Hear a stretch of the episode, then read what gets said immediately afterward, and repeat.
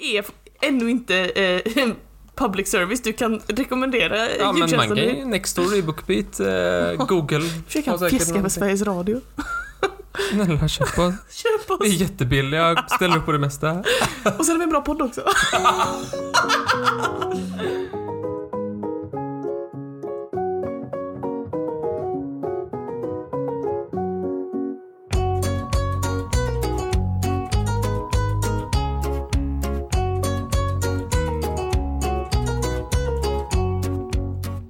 Och eh, välkommen till Trivialist-podden. Hej! Hej Martin, välkommen! Tack snälla. Hur är det med dig? Jo, det är bara bra. Är det själv? Det är bra, det är bra. Bra. Eh, vad ska vi prata om idag Martin för ämne?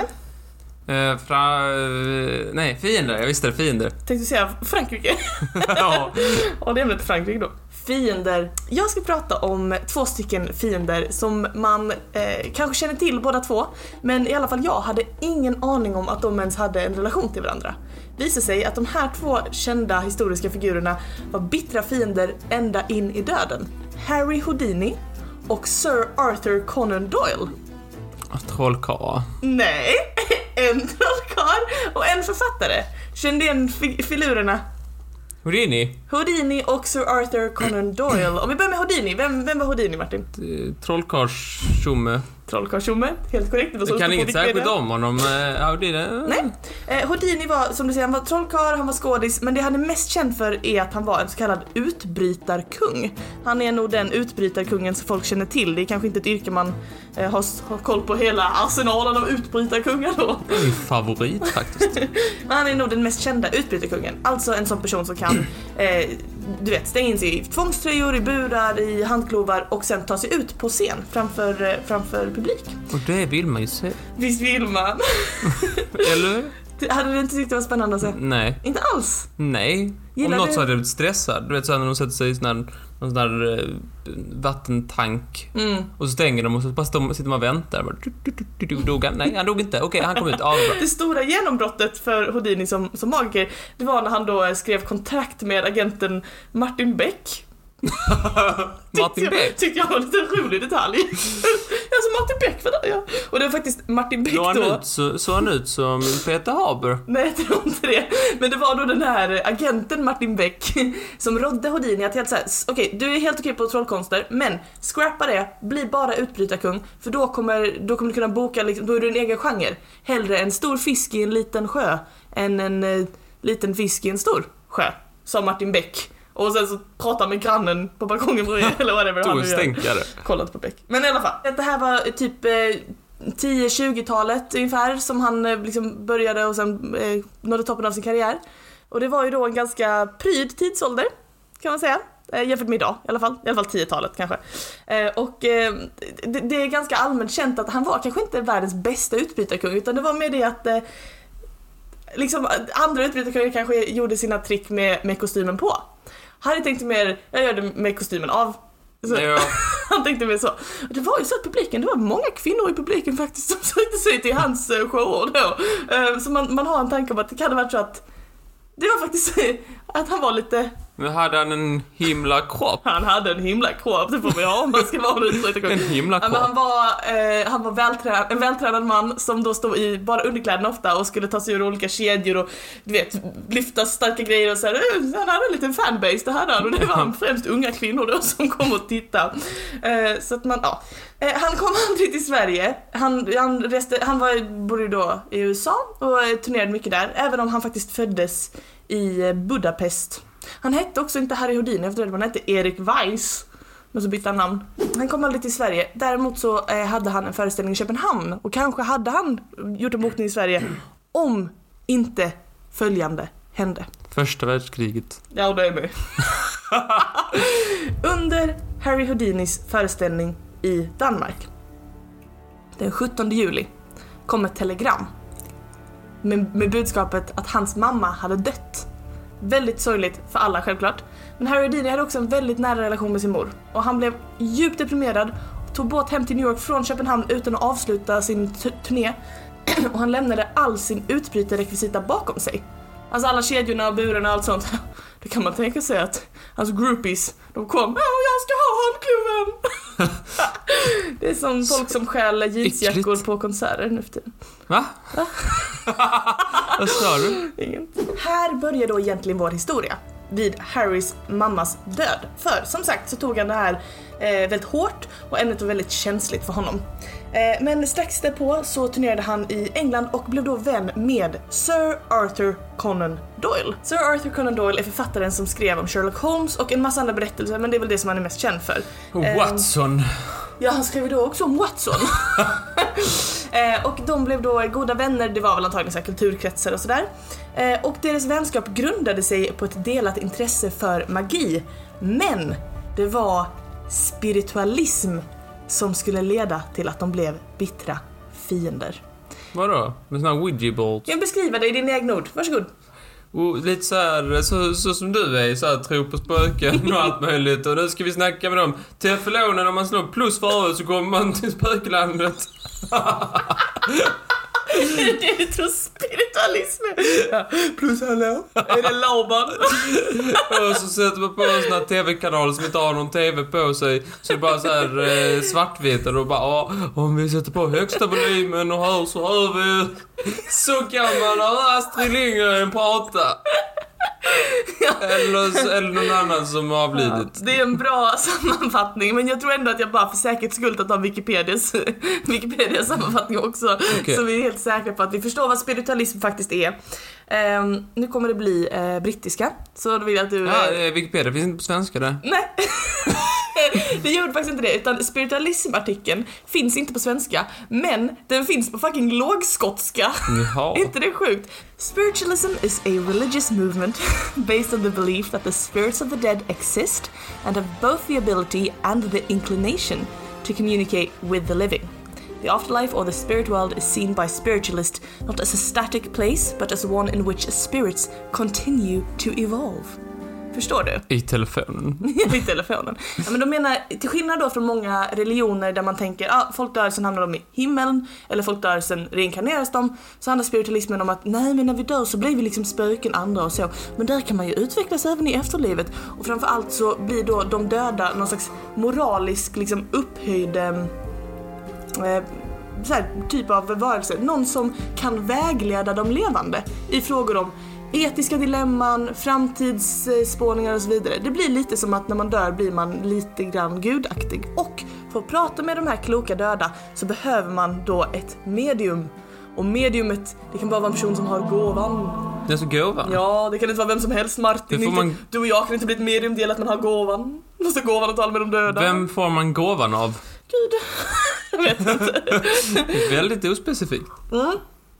Och ehm, något som är väldigt intressant är då att eh, Sir Arthur Conan Doyle, väldigt eh, så här, eh, väl ansedd författare och liksom eh, så här, duktig på sitt ämbete, han var väldigt, väldigt eh, förtjust i spiritualismen.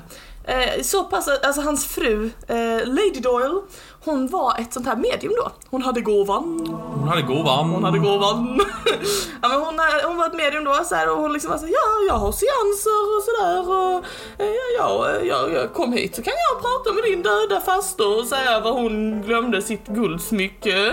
så Skönt liksom. att veta. Visst. Och Doyle han, han la ner otroligt mycket tid och pengar i att så här, popularisera spiritualismen i England. Så han investerade en massa i så här, kom igen allihopa, man kan prata med spöken, woop, woop, nu kör vi! Alla börjar till medium, kom igen!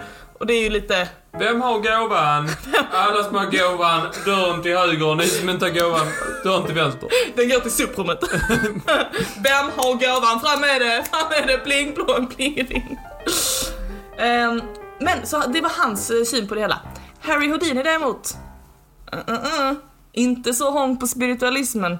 Nej. Han, eh, enligt Wikipedia så var han förmodligen den eh, människa som enskilt bidrog mest till allmänhetens avtagande tilltro till spiritualismen. Mm, Det är ganska fascinerande.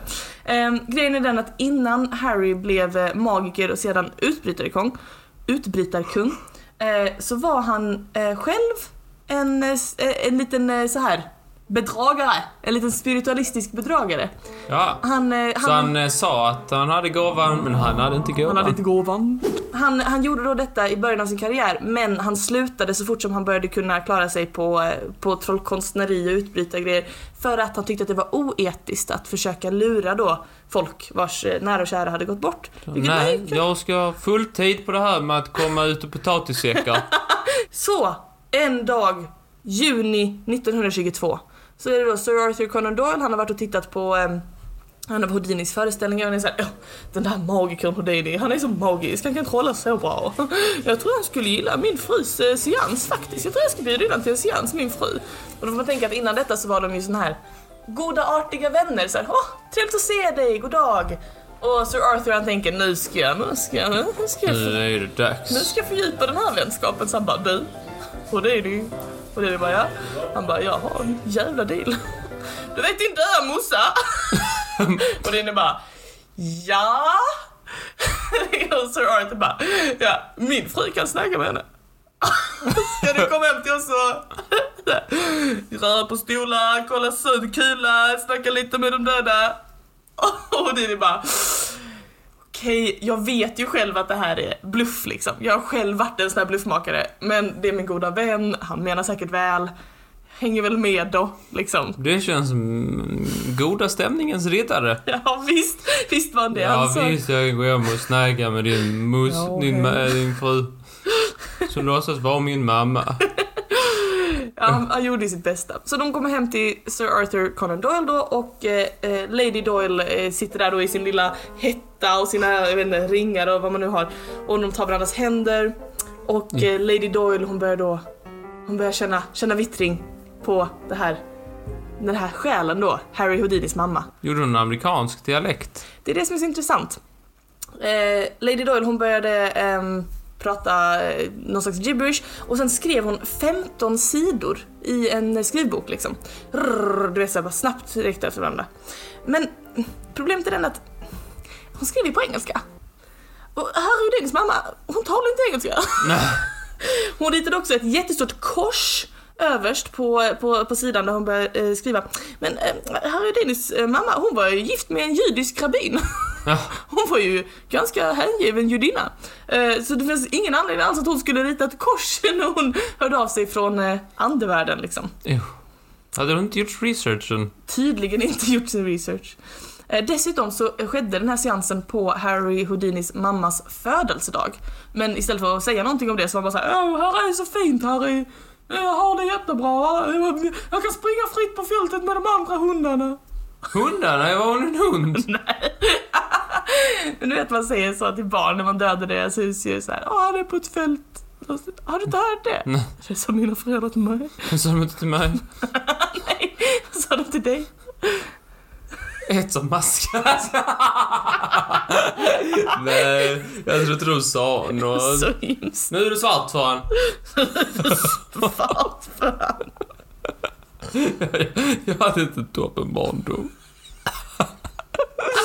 Kan vi lämna min knaggliga uppväxt? Ja, visst. Och vidare. Houdini han försöker först hålla god min liksom och är såhär, mm, ja, nej, det här var trevligt och så, tack, tack snälla Lady Doyle, men ehm, ja, min mamma pratar ju inte engelska. Och så här, försöker liksom lite, på ett lite trevligt sätt så här, hur kan det vara? Och då sa så Arthur Conan Doyle så här. Han sa så här, spirits don't care for the earthly calendar and perhaps your mother learned English in heaven. T- först hon gjorde de sjukt till himmel. Här, här kan jag inte klara mig på mitt eh, modertunga. Nej. Här behöver jag ta Engelska. lite lektioner. Ja, precis. Så han menar liksom att hon lärde sig engelska efter döden då. En intressant teori kan man säga. Um, och eh, Houdini kände liksom att okej, men det här känns ju inte superskoj för mig att sitta här och, och få det här kastat i ansiktet. Min mammas död är väldigt traumatisk för mig och de sitter här och liksom gaggar om att ja, hon har nu lärt sig engelska i himmelriket och kanske blivit kristen också. Alltså det känns ju, känns ju sådär lite taktlöst kan man tycka. Är det inte konstigt att man först kommer till himlen, sen blir kristen? Jo, eller hur? Men för en tredje gång så är Houdini så här, han bara "Nej, nu, jag, jag håller tand för tunga, jag är liksom, jag, jag, den goda stämningens riddare till tusen procent. Jag säger tacka för mig, tack för seansen och går hem. Fortfarande ingen klyfta mellan vännerna. Men Sir Arthur va? Det han börjar göra då, det är att han börjar snacka i sina kretsar så här. Eh, jag nämnde tidigare att han tyckte om att så här föra spiritualismen framåt på diverse Mm, vis. Så han börjar snacka i sina kretsar så här om att Visste ni att Houdini älskar spiritualismen? och bara visste ni det? Han, han var på seans hos mig och han var helt trollbunden. Han, han älskar det, han tycker det är skitbra. Jo. Och då kände Houdini att, ja, nu har jag hållit han för tunga väldigt många gånger om detta. Men om du ska gå runt och bokstavligt talat säga att mitt största hatobjekt är min favorit, då får jag ändå säga något. får jag ändå säga något så. Ehm, så att eh, då, eh, ja, då, då, eh, då gjorde Houdini så att han gick till pressen. Han Ja. gick till pressen och sa så här. Guys, så är det. Jag är utbyte kunglig trollkonstnär. Spiritualism är fake och jag säger det som en av vår tids mest respekterade magiker och trollkonstnärer. Att det här är inte på riktigt liksom. Och Conor blev väldigt sur. Han skrev Houdini är väldigt... Eh, he's very conceited and a self-opinionated man. Och Houdini svarar då med att säga Doyle is a bit senile and easily bamboozled. Bamboozled. Ja, easily bamboozled. Ehm, så eh, det här då som tidigare varit en trevlig och fin vänskap, det började, det började bli lite smolk i glädjebägaren. Ja. Det blir ju en, en paradiset. paradis. Visst, visst, visst. Så att eh, Houdini han kände, nej, nu har jag blivit liksom, nu har jag blivit attackerad en gång för många av min vän, min kompis, min polare. Så nu så är det mitt uppdrag att sabba det som han har satt sitt liv till att eh, hjälpa, nämligen spiritualismen. Så på ena sidan, så här höger planhalva, har vi Sir Arthur va. Han kommer, han lobbar, kastar in massa pengar till spiritualismen, han liksom snackar med folk, han är så här, det ska vi. På andra sidan, Houdini, jobbar helt tvärs emot. Han gör så att han klär ut sig, tar på sig en rolig hatt kanske, går till alla seanser han kan sitta, sitter där och säger Hallå, jag skulle vilja prata med min döda dotter Jenny. Och de bara ja, Jenny är här och hon säger att hon älskar dig. Och sen händer det, de har sagt det, så liksom river han av sig hatten och bara haha! Det är jag, Harry Houdini, och jag har ingen död dotter som heter Jenny, du är fake! Och så alla gasp! Och så springer han ifrån till nästa seans så är det igen. Känns som att de är sura på varandra. Ja, visst. Det som hände då, Houdini, han gick bananers på hela situationen. Han bara jag ska avslöja varenda jävla bluffmakare i hela världen. Och han kom till alla seanser, han hade kanske glasögon, rolig hatt, mustasch, vet inte vad han hade. Han klädde ut sig i alla fall. Och det här var då, de var bittra rivaler, Sir Arthur och eh, Houdini. Och en dag, eh, så eh, precis innan Houdini skulle gå upp på scenen för att köra en föreställning, så rullade in en, någon tonåring eller så yngling bakom scen. Från ingenstans så bara slår han Houdini skithårt i magen fem gånger. Bom, bom, bom, bom, bom! Och Houdini eh, faller till marken. Han har ju då, eh, en av de grejerna som han har gjort sig känd för det är att han kan ta vilket slag från helst från vilken man som helst i hela världen. Ehm, och eh, den här ynglingen då hävdar att ah, han ville kolla om det var sant. Grejen är den att när man är sån som Houdini som är en liten showman, då kan man ju ta, då har han ju lärt sig tekniker för att ta slag från folk. Eh, teknik att spänna magen, tekniker att använda hållning. Men när den här ynglingen kom från ingenstans och slog honom i magen fem gånger, bum, bum, bum, bum, bum. Då hann han ju inte spänna sig eller liksom förbereda sig. Så, han går upp på scenen, han mår piss, han har feber. Efter föreställningen så rusas han till sjukhuset och det visar sig att hans blindtarm har spruckit. Den är kaputt. Blindtarmen är kaputt. Punka! Eh, förmo- eh, och då, det, vissa menar att den redan var punkad men andra menar att det var då den här ynglingen som kom och slog honom i magen. Oavsett så dör han faktiskt och det är många som säger att de tror att det är spiritualisterna kanske med Sir Arthur i spetsen, som har fått den här ynglingen att eh, slå honom i magen just för att få slut på hans, liksom, eh, hans sån här kampanj mot spiritualismen. Men klarade han sig? Nej, han dog. Ah. Sa jag? Förlåt. Han dog. Han gick bort på grund av detta. Alltså. Så det var liksom en, de som tror på den här teorin då, då är det ju liksom en assassination av Houdini. Tror du, men... Tror de inte sätta sig under vattnet se vad, det, om, vad de såg vad det bubblade ifrån? Vad menar du? Om du var punka? Ja, bra. Um, Conan Doyle eh, uttalade sig naturligtvis om hans före detta väns bortgång. Eh, han var, han... Man kan, man kan tänka, med tanke på deras historia, att han hade tagit tillfället i akt och säga någonting eh, taktfullt och blygsamt. Någonting i stil med, han var en stor man, han kommer bli saknad. I alla fall någonting som inte direkt skulle förolämpa honom. Det kom som en chock, som ett slag i ansiktet. Eller magen. Eller blindtarmen. Eller blindtarm. Eh, Han sa så här. Ja. Vi hade faktiskt en uh, seans kvällen innan han dog. Och då kom Houdinis mamma till oss och sa eh, att han skulle dö. Jävla respektlöst. Nej, jag är så jävla för. jag måste verkligen säga att hatten av. Det var fyndigt. det var väldigt... Nej, allt är förlåtet. Han kan inte säga något om det. Det är verkligen... det, var, det är därför det är så, så rått. Det är så rå humor. Åh, åh, jag blir helt mätt i magen efter det. Det är så gott. också så här. We did not pass the message on to him as we hoped it might prove mistaken, but that hope has now been disrupted. Så jävla ironiskt. Houdini i alla fall i sina sista andetag så sa han till sin fru så här. Som, ett, som en sista känga mot Sir Arthur så sa han så här, ja nu viskar jag en serie ord till dig. Om, håll en seans en gång om året efter min död. Om de här orden kommer fram så är det jag, annars är det inte jag. Jaha. Väldigt smart tycker jag också från hans sida. Eh, och de, har då, de höll då en seans eh, varje dag resten av hans frus liv på hans dödsdag och eh, aldrig någonsin kom den här hemliga ordserien fram som bara hon kände till. Det var fyndigt tillbaka också. det var Verkligen fyndigt tillbaka. Så om inte ens världens bästa utbytarkung kunde bryta sig igenom från den andra sidan så kan vi vara ganska säkra på att det här med spiritualismen, trots Sir Arthurs fyndighet, kanske lite, det är lite hokum. Det tror Ja, jag. Det var storyn om de fienderna. Ända Du- in i döden. Gud vad trevligt. Ja, varsågod. Ja, om någon vill stämma oss så kan ni skicka det till Molly. Ja, Skicka det till mig bara. Nej men jag tror ju på det, ni vet jag är som ni är.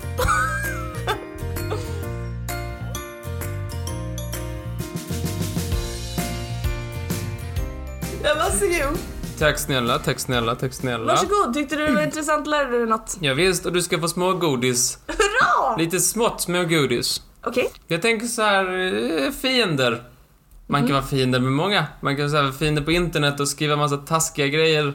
Man kan vara fiender med folk som man bor i samma hus som. Mm. Göra arga lappar och sånt. Att, så här, det här är inte ett nytt fenomen. Nej. Att vara taskig mot, eh, mot folk man har eh, nära. Eh, Eller så här, bor nära, eller som man tycker illa om eller så vidare. Mm. Och, och, och jag tänkte, du vet den här staden Pompeji? Ja. Fast du säger alltid Pompeji. Varför säger du inte Pompeji? Jag säger Pompeji. Varför säger du det? Det är ingen som vet hur du uttalar det sen. Det var 2000 år sedan okej, men man då kommer uttalade jag säga Pompeji. Ja, men du får säga vad du vill. Ja, tack. Eh, eh, det är väl typ... Ja, årtalet 79 före Kristus eller efter Kristus kommer upp i huvudet, men jag vet inte vilket årtal det är. Skitsamma. Nerd. Eh, Typ 2000 år sedan, kan vi säga. Mhm. Så, så kom ju den här eh, vulkanen, pang pong, och så blev det så här massa så här, hela stan blev liksom eh, mm, dränkt i det här lavagrejet. Mm. Och eh, sen när vi hittade... Askan. Ja, precis. Och, och sen så kunde vi gräva ut det och så kunde vi se att nej, men det är ju Roger och alla de... Eller man visste inte vad de hette. Frågor. Man hittade liksom en hel stad eh, som liksom hade blivit eh, fryst i sekunden, så att säga. Eller inte fryst, tvärtom faktiskt. Men de var liksom, de var liksom precis ögonblicksbild av vad som hände i den staden i princip. Mm. Eh, eh, vilket har gjort att man har hi- hittat en massa källor och så här, skrifter och grejer som inte hittat någon annanstans. Och en eh, ors, lite så här eh, halvkänd eh, källa är ju då klotter på väggarna. Mhm. Eh, till exempel till där folk bodde eller folks restauranger och så vidare.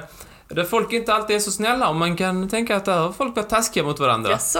Ja, jag tänkte bara ta några exempel. Mhm. Det finns både, det finns vissa som är väldigt taskiga, vissa som är helt eh, random. Mm. Jag tänker också, jag tänker, ni får lite av allting här. Eh, här är någon som är sur på chefen.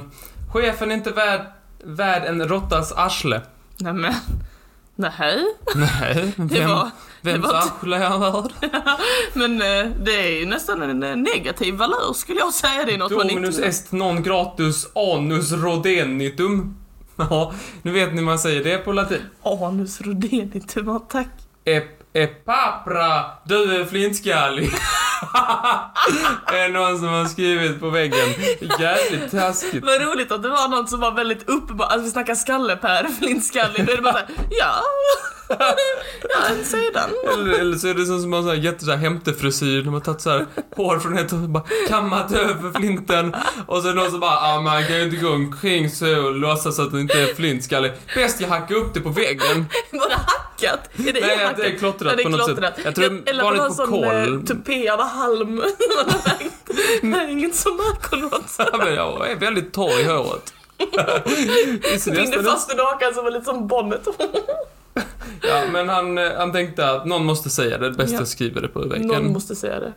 Här är en som skrev, här är inte en förolämpning tror jag, om det inte är någon typ av språk som vi inte liksom kan tyda. Ja, så kan det vara. Det kan ju vara liksom eh, ett symbolspråk vi inte fattar, Mm. metaforer och så vidare. Den 19 april bakade jag bröd. Någon som har plitat ut väggen. Vad vill han med det? Ja, då får jag tacka Tanjot för den lilla dagboksanteckningen. På en väg, jag bakar, jag bakar bröd då. Ja. Va- Jaha.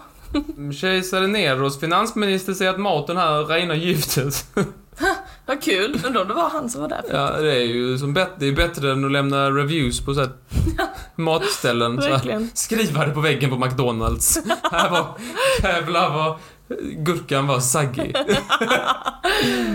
Samus hälsar Cornelius, gå och häng dig. Nej men gud. Det är inte snällt.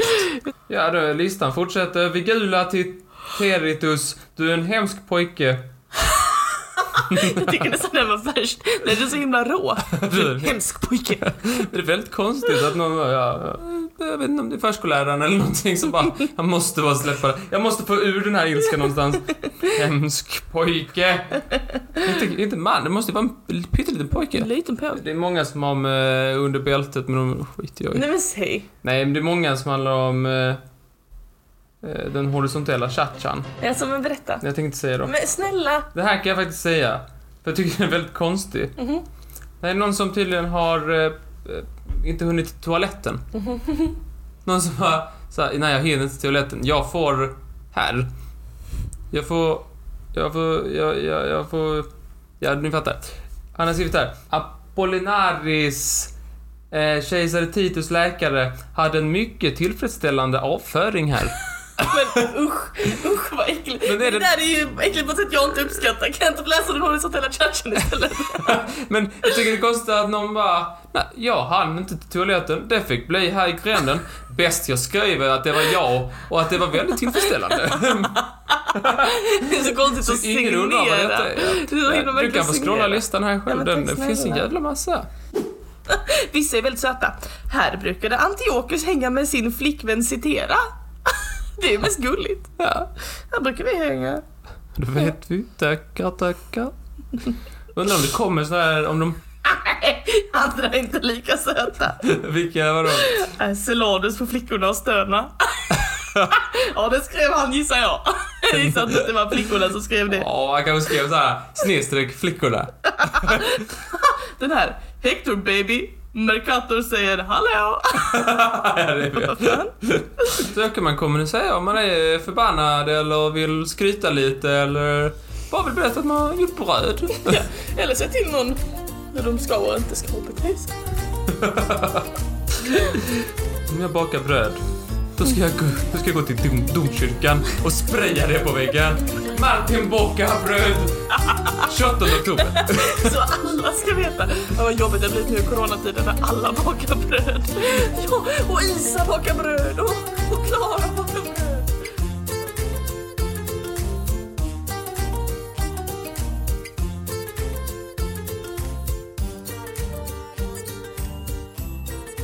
Jag får tacka så hemskt mycket för det smågodiset. Jag Varsågoda. blev mycket glad. Jag blev mycket glad. Så ska du få ett smågodis tillbaka. Man ger och tar igen. Så är man tjuvens bästa vän. Sa alltid min mamma när jag var liten. Jaha. Eh, och därför så ska du nu få spela lite Kan Martin-myten! Yay!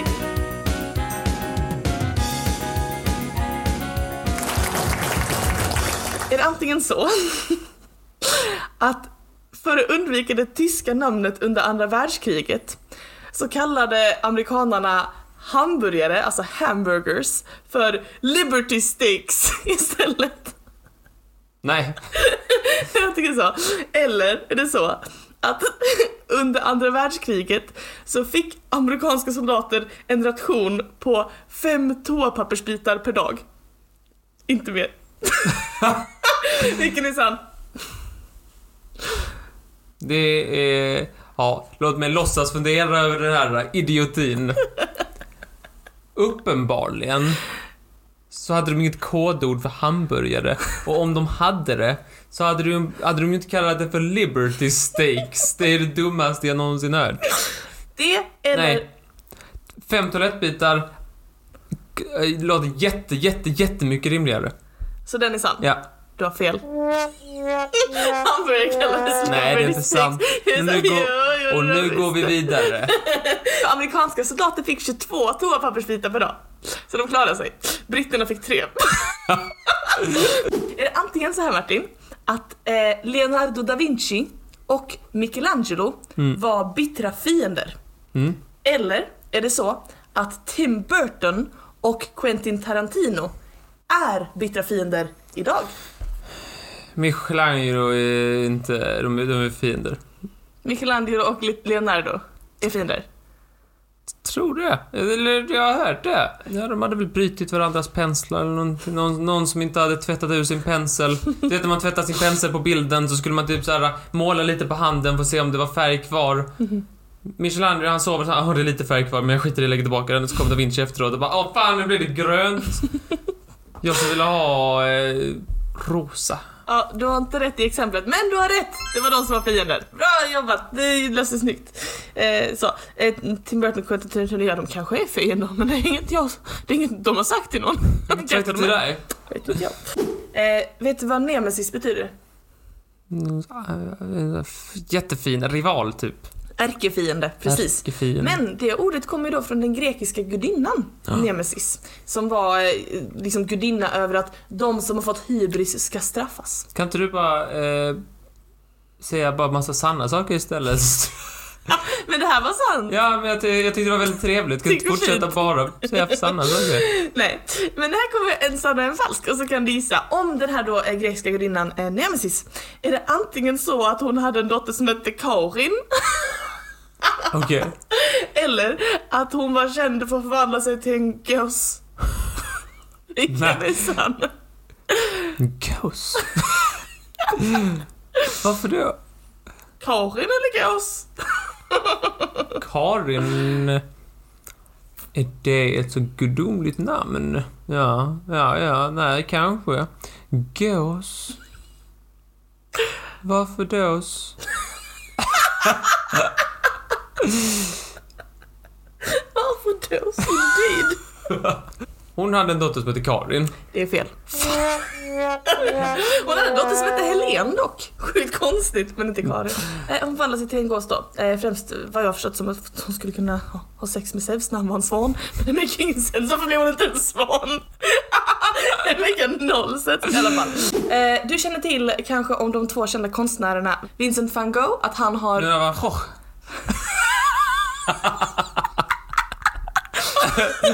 Vincent van Gogh, eh, att han, eh, han skar av sitt öra, känner du till det? Ja. Och du känner till om Salvador Dalí, att han hade den där långa spretiga mustaschen som stod rakt ut. ja.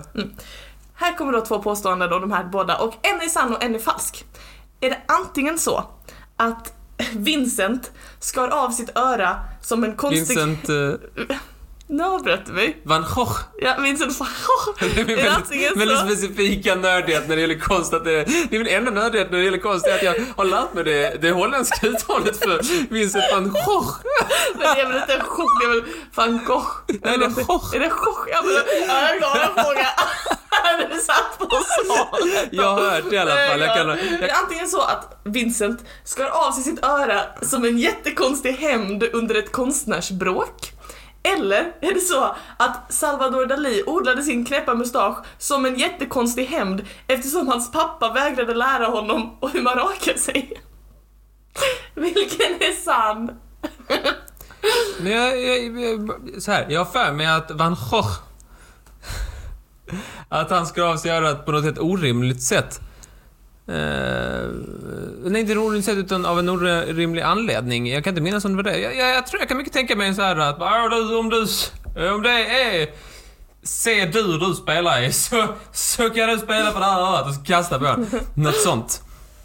Eh, men jag för mig att det var någonting med kärlek. Eller var det han, eh, pianisten, som skar av huden mellan fingrarna för att han skulle kunna spela bättre? Vem var det? Jo, det känner jag inte igen. Det är någon... Kan inte ha varit Mozart? Bach, kanske? Ja, eller Bach, som var faktiskt heter Ja, det är egentligen uttalet om schach. Nej. Kanske du har rökt lite schach om uttalar det på det viset.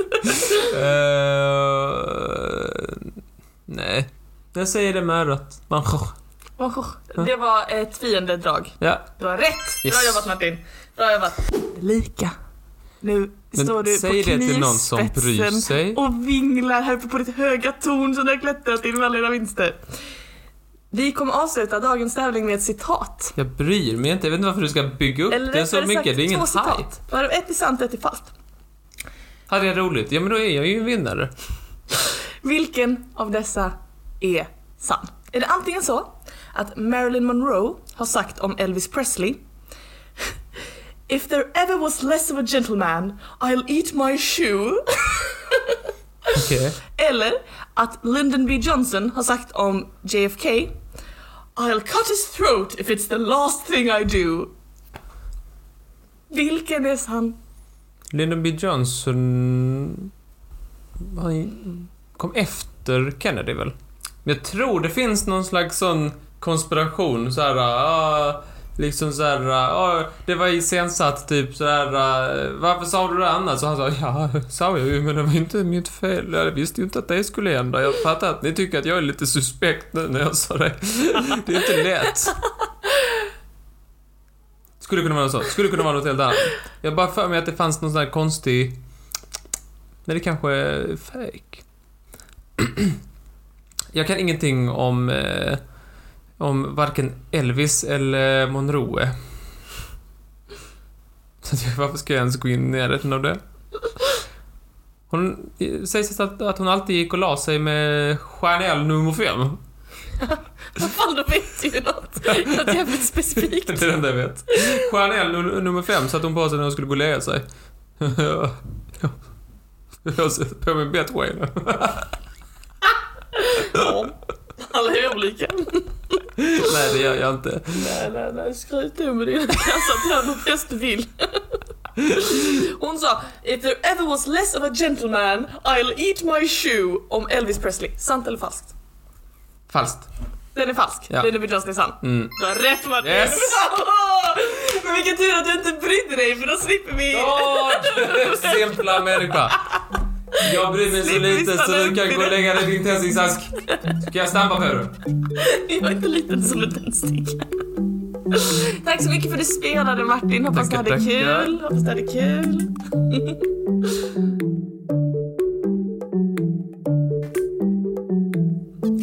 Då tackar jag. Då tackar jag. Tack, tack, tack, tack.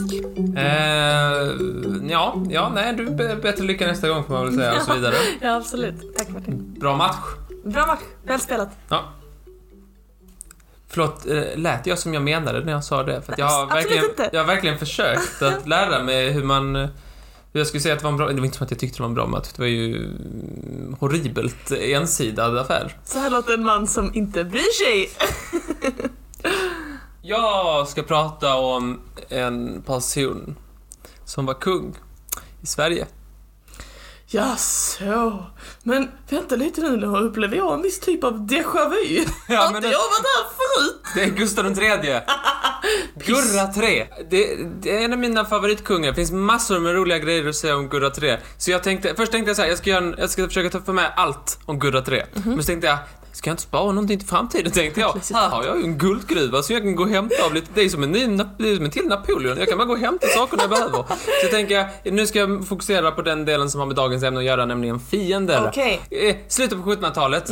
Han gillade Frankrike, han gillade teater och konst. Han instiftade Svenska Akademin, eh, Dramaten. Eh, som sagt, jag kommer komma tillbaka till Gurra med någon annan podd. För det finns för mycket att säga. Jag kommer bara gå till... Jag kommer börja i slutet kan man säga. Okej. Nämligen att han eh, kollade vippen på en maskeradbal. Det. Han har gjort någonting som var dumt att göra om man var kung, nämligen göra adeln arg. Och eh, vi ska inte grotta ner oss alldeles för mycket i vad han gjorde för att göra adeln arg. Eh, Men en grej han hade gjort var att han hade startat krig mot Ryssland. Aj då. Och vad vet vi om det? Det går ju inte.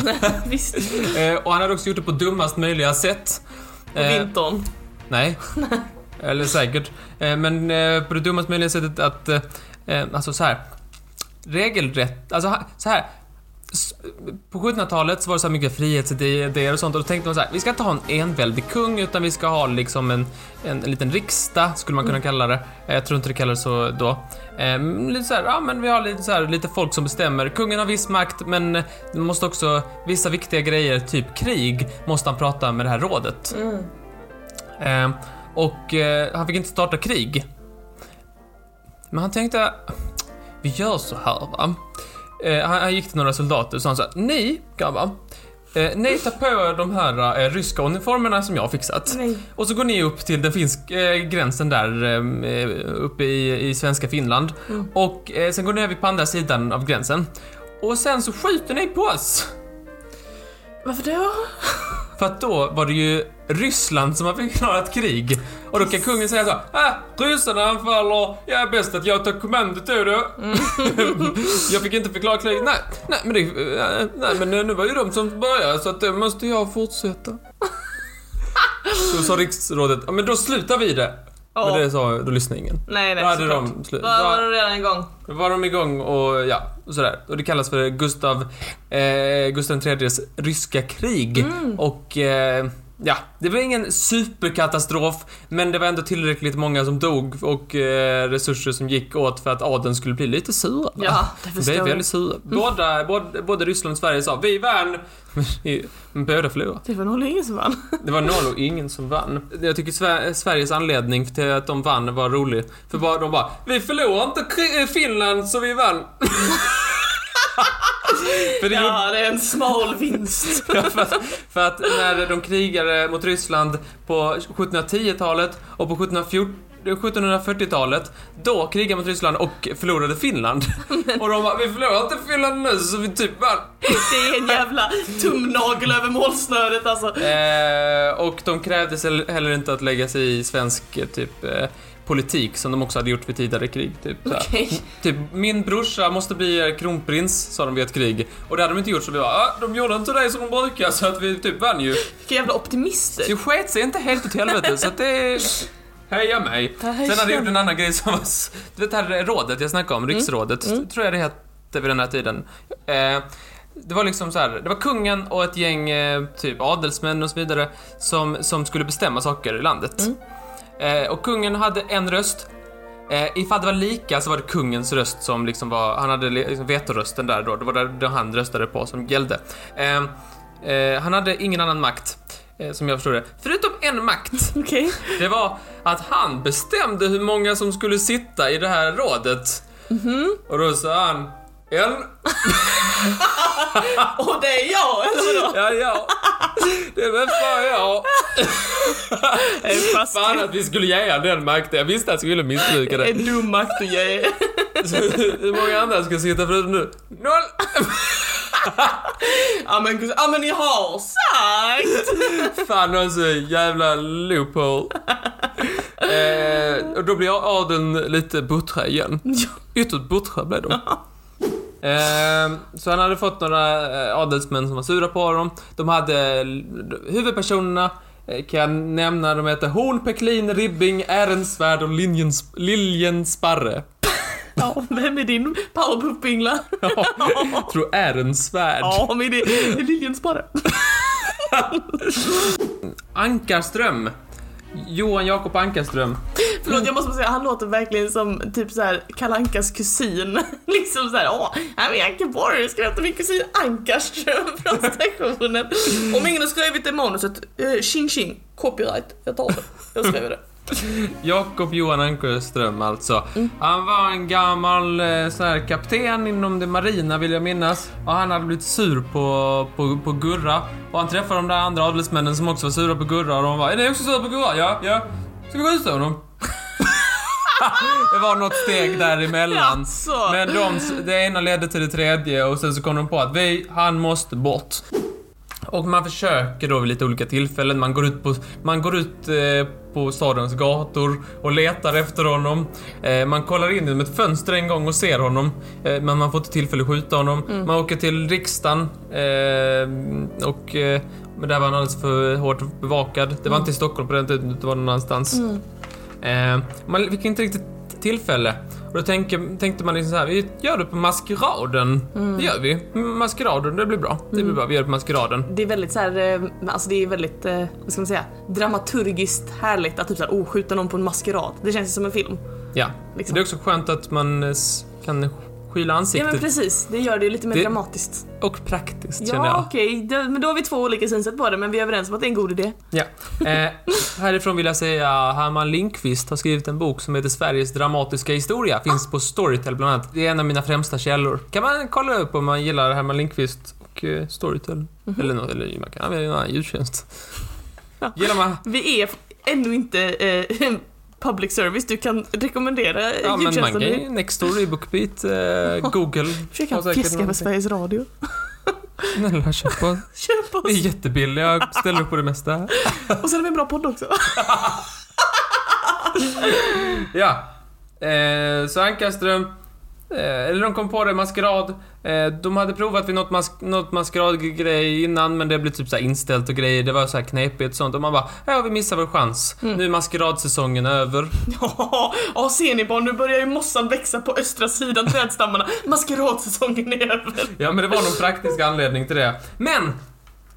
Så kom de på den 26 mars 1792 att eh, vi har en maskerad till. Ah, men det blir den sista sa man. Ja, det blir den sista. Eh, och då tänkte man, nu måste vi, nu måste det få tummen ur som man Sista säger. säsongen. Ja, äckligt nu måste det ske. Så Ankarström, han går och köper sig en vit mask och ett svart skägg. Konstigt färgspecifikt. Köper han sig ett svart skägg? Ja. Kan inte bara odla ett skägg? Inte på så kort tid. Nej, så det tar tid. Jag antar det. eh, och nu, nu bestämde man att nu, nu fan ska vi göra det. Eller nu ska, nu ska Ankarström göra det. Eh, och Ankarström, han går och köper eh, ammunition, vilket består av sån här tapetnubb. Va? Såna små spikar liksom, Jaha. som han klippte av och satte i. Han bara, ja, Oj. liksom han har hela adels, alla adelsmän med sig sådär, och han är själv adelsman. Varför kan han inte fixa liksom mer? Nej, jag ska ha såna små spik, Jag tänkte jag. nubb. Jag tycker det är väldigt eh, konstigt att, varför?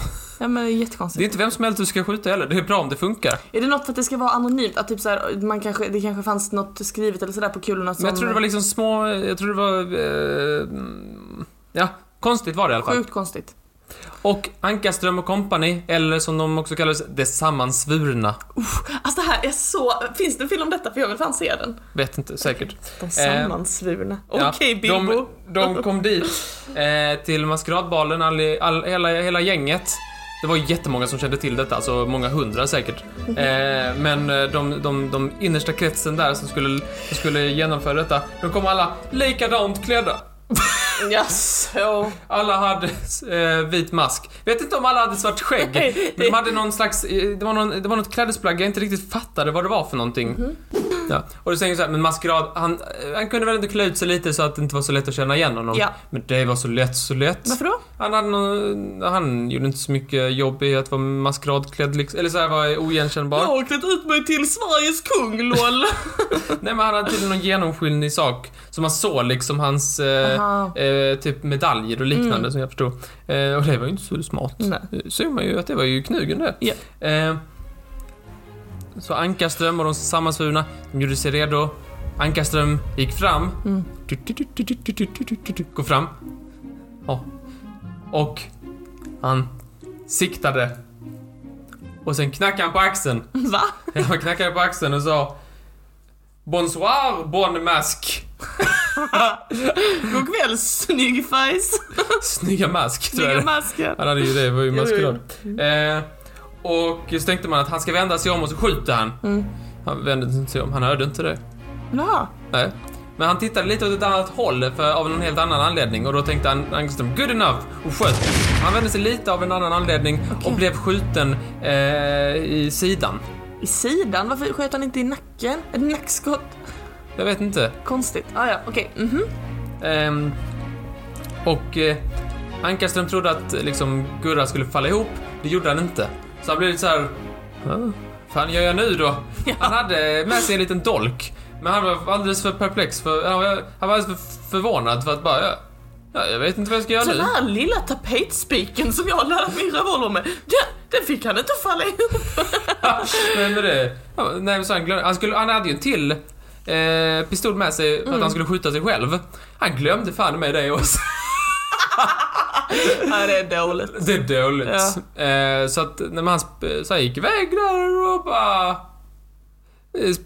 eh, Kastade undan vapnen och låtsades som ingenting. Grejen var det att ingen märkte att skottet gick av.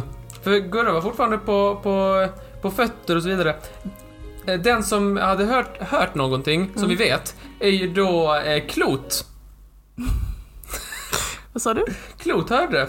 Klot. Ja, det var han som eh, dirigenten, som jag förstår. Klot. Klot. Ja. Han hörde det här ljudet och tänkte vad fan det är någon jävla, det är någon jävla trummis som slår fel. Så han, bara, han, han tittade i sina, sitt häfte och så gjorde han en liten sån här Eh, litet markering för Mm. där det kom fel, så bara, jag ska ta upp det med trummis och sen vad fan håller de på med? Mm, Så därför vet vi exakt när, eh, eh, när skottet föll. Ah, gud vad spännande. melodin. Tack vare Klot. Men Gurra han kändes, han visste ju detta att detta hände och sa, ja det var ju, han sa, Je suis blasé! Men vad fan, snälla rara. Ja, han gillar ju Frankrike som sagt. Men varför sa han inte bara på svenska? Ja, men han gillar ju Frankrike. Ja, visst. Jag tänkte att, nej, om jag blir skjuten så ska jag väl säga på franska Ja. eller ju... Annars ska jag, kanske folk fatta till kungen. Eh, så han sa det och hans eh, assistent Esse hjälpte honom. Eller han, eh, assistent, han är någon slags tjänare. Kompis kanske. Och Anko Company, de började säga elden brinner. Nej, Elden brinner. nej elden är lös. Elden brinner var det konstigt att säga. Ja visst, jag vet om kon betar, men vad är din poäng? Ja, Elden är lös. Elden är lös. Och då skulle det bli panik och sådär. Och sen så, och det var enligt planen eh, sådär. Och, eh, men det är fortfarande ganska få som fattade vad som hade hänt. Till sist föll poletten ner. För den första som eh, man vet liksom la märke till att eh, kungen var skjuten, det var Mr Polett. Pollet, jag vet inte hur det uttalas, man heter det. Eh, så poletten Jo, jo, jag hängde med på Och, och man satte igång och eh, liksom ringde till, eh, man ringde nog inte, utan man skickade bud efter eh, polismästare och läkare och allt möjligt med det tredje. Och så stängde man dörrar och eh, sa att nu är det demaskering. Usch. Nu får ni ta av er. Ja, maskerna då Martin. demaskering Ja, kallas men det. du sa bara nu får ni ta av er, så jag la till då maskerna. Men det stod inte mina källor, varken bu eller bö. Nähä? Eh, sen sa Gustav III, grip dem men gör dem inte illa, fast på franska. Eh, och Liljensparre sattes på fallet. Okej. Eh, det var då rikspolisen. Mhm. Eh, Vänta, vad hette han som fick kalla fötter? Liljenhorn, tror jag. Aha. Det är svårt att hålla de här jävla fjolliga efternamnen i schack. Alltså, det säger du att de är. Ja. Eh, så Gurran tredje, han, eh, han bars först i det ena rummet och sen så var man tvungen att bära hem honom och då bar man honom i en fåtölj. En fåtölj som fortfarande går att se på Livrustkammaren. ja, Livriskammaren. Vårt, Ja. eh, vårt eh, kött och blod. Ja, som och vi där gillar är det. alla fläckarna av blodet från Gurran tredje. är det. Så det är även hans kött och blod. Verkar- ja, vi älskar Livriskammaren och de gillar oss faktiskt har de sagt. Så det är så här, en liten kärleksrelation. Okej. Ehm, eh, och man bar, man bar då hem honom i den här fåtöljen som jag förstår. Eh, han var ganska gott mod. Enligt Herman Lindqvist så sa han Jag är som den helige fadern, det bär mig i procession. Ja, det får man Fast du är ju skjuten. Ska du inte vara ledsen? Ehm, och eh, han eh, bars då in i sovrummet av ra- och random tjänstemän bara följde med. Mm. Eh, som sagt, linjens... Liljensparre var på fallet. Ja. Eh, och eh, han började genast arbeta. Gustav III, han sa Snälla va? Snälla. Säg inte till mig, berätta inte för mig om det är några svenska, svenskar som har gjort detta. Det vill jag inte veta. Skulle de är inte värdiga att göra det? S- Jag vill bara höra om det är franska jakobiner som har gjort detta. men Han, han önskade att det var de här eh, franska eh, grupperingarna som hade varit aktiva under revolutionen. Mm. Bara, snälla, säg att det är dem. Men säg ingenting om För det är att han- några svenska eh, För bondlurkar att som han gjort så det. gärna vill vara en del av den franska adeln. Ja, Men han tyckte det var Men värt. Gustav. Eh, Snälla rara. Så det var det han ville. Liljensparre... Liljensparre, som jag sa, Han, eh, han eh, satte till verket. Han var mycket effektivare än palmutredaren, det kan jag säga direkt. Ja, det är inte svårt. Han hittade pistolerna. De låg ju i för sig i samma sal som där de dem. Eh, han gick till olika vapenhandlare runt om i, eh, i Stockholm. Fick napp på en viss Klaufman. Alltså, Vapen, vapenhandlare Klaufman. Ja. Eh, och Klaufman han sa, ja de där har jag ju fixat till åt min gode vän, eller inte åt min kund Ankarström.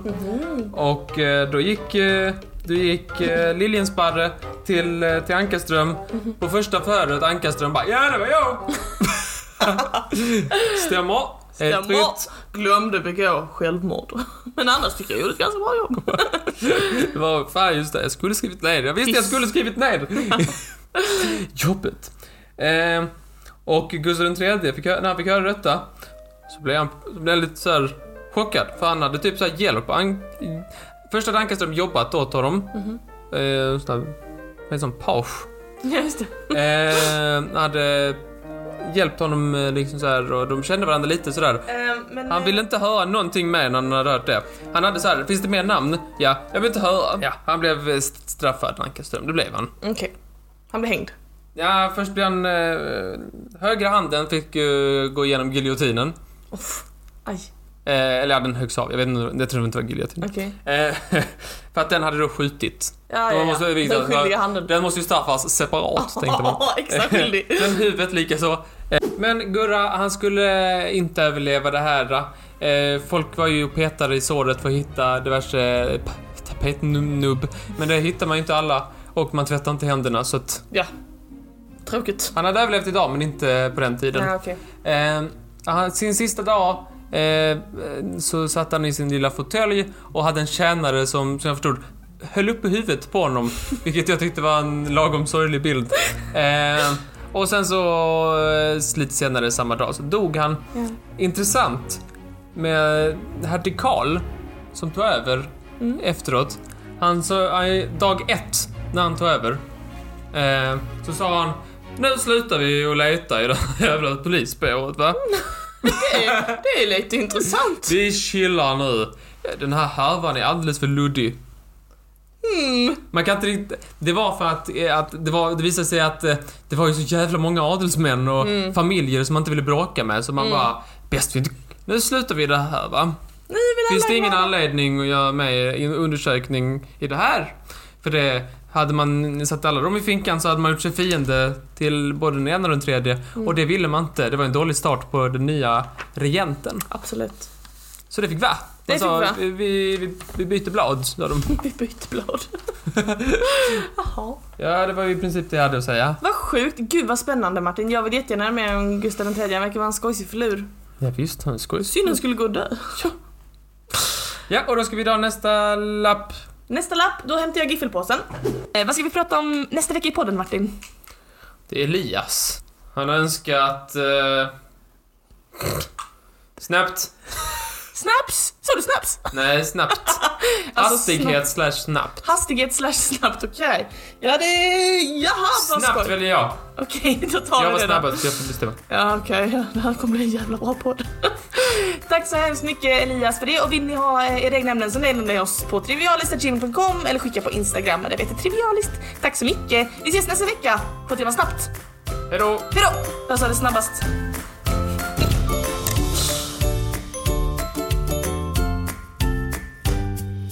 Visar sig att de här två kända historiska figurerna var bittra fiender ända in i döden. Var de tyska? Nej.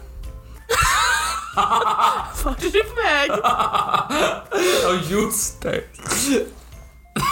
Så man höra Hitler. Det är säkert. ja, det... Klassiker.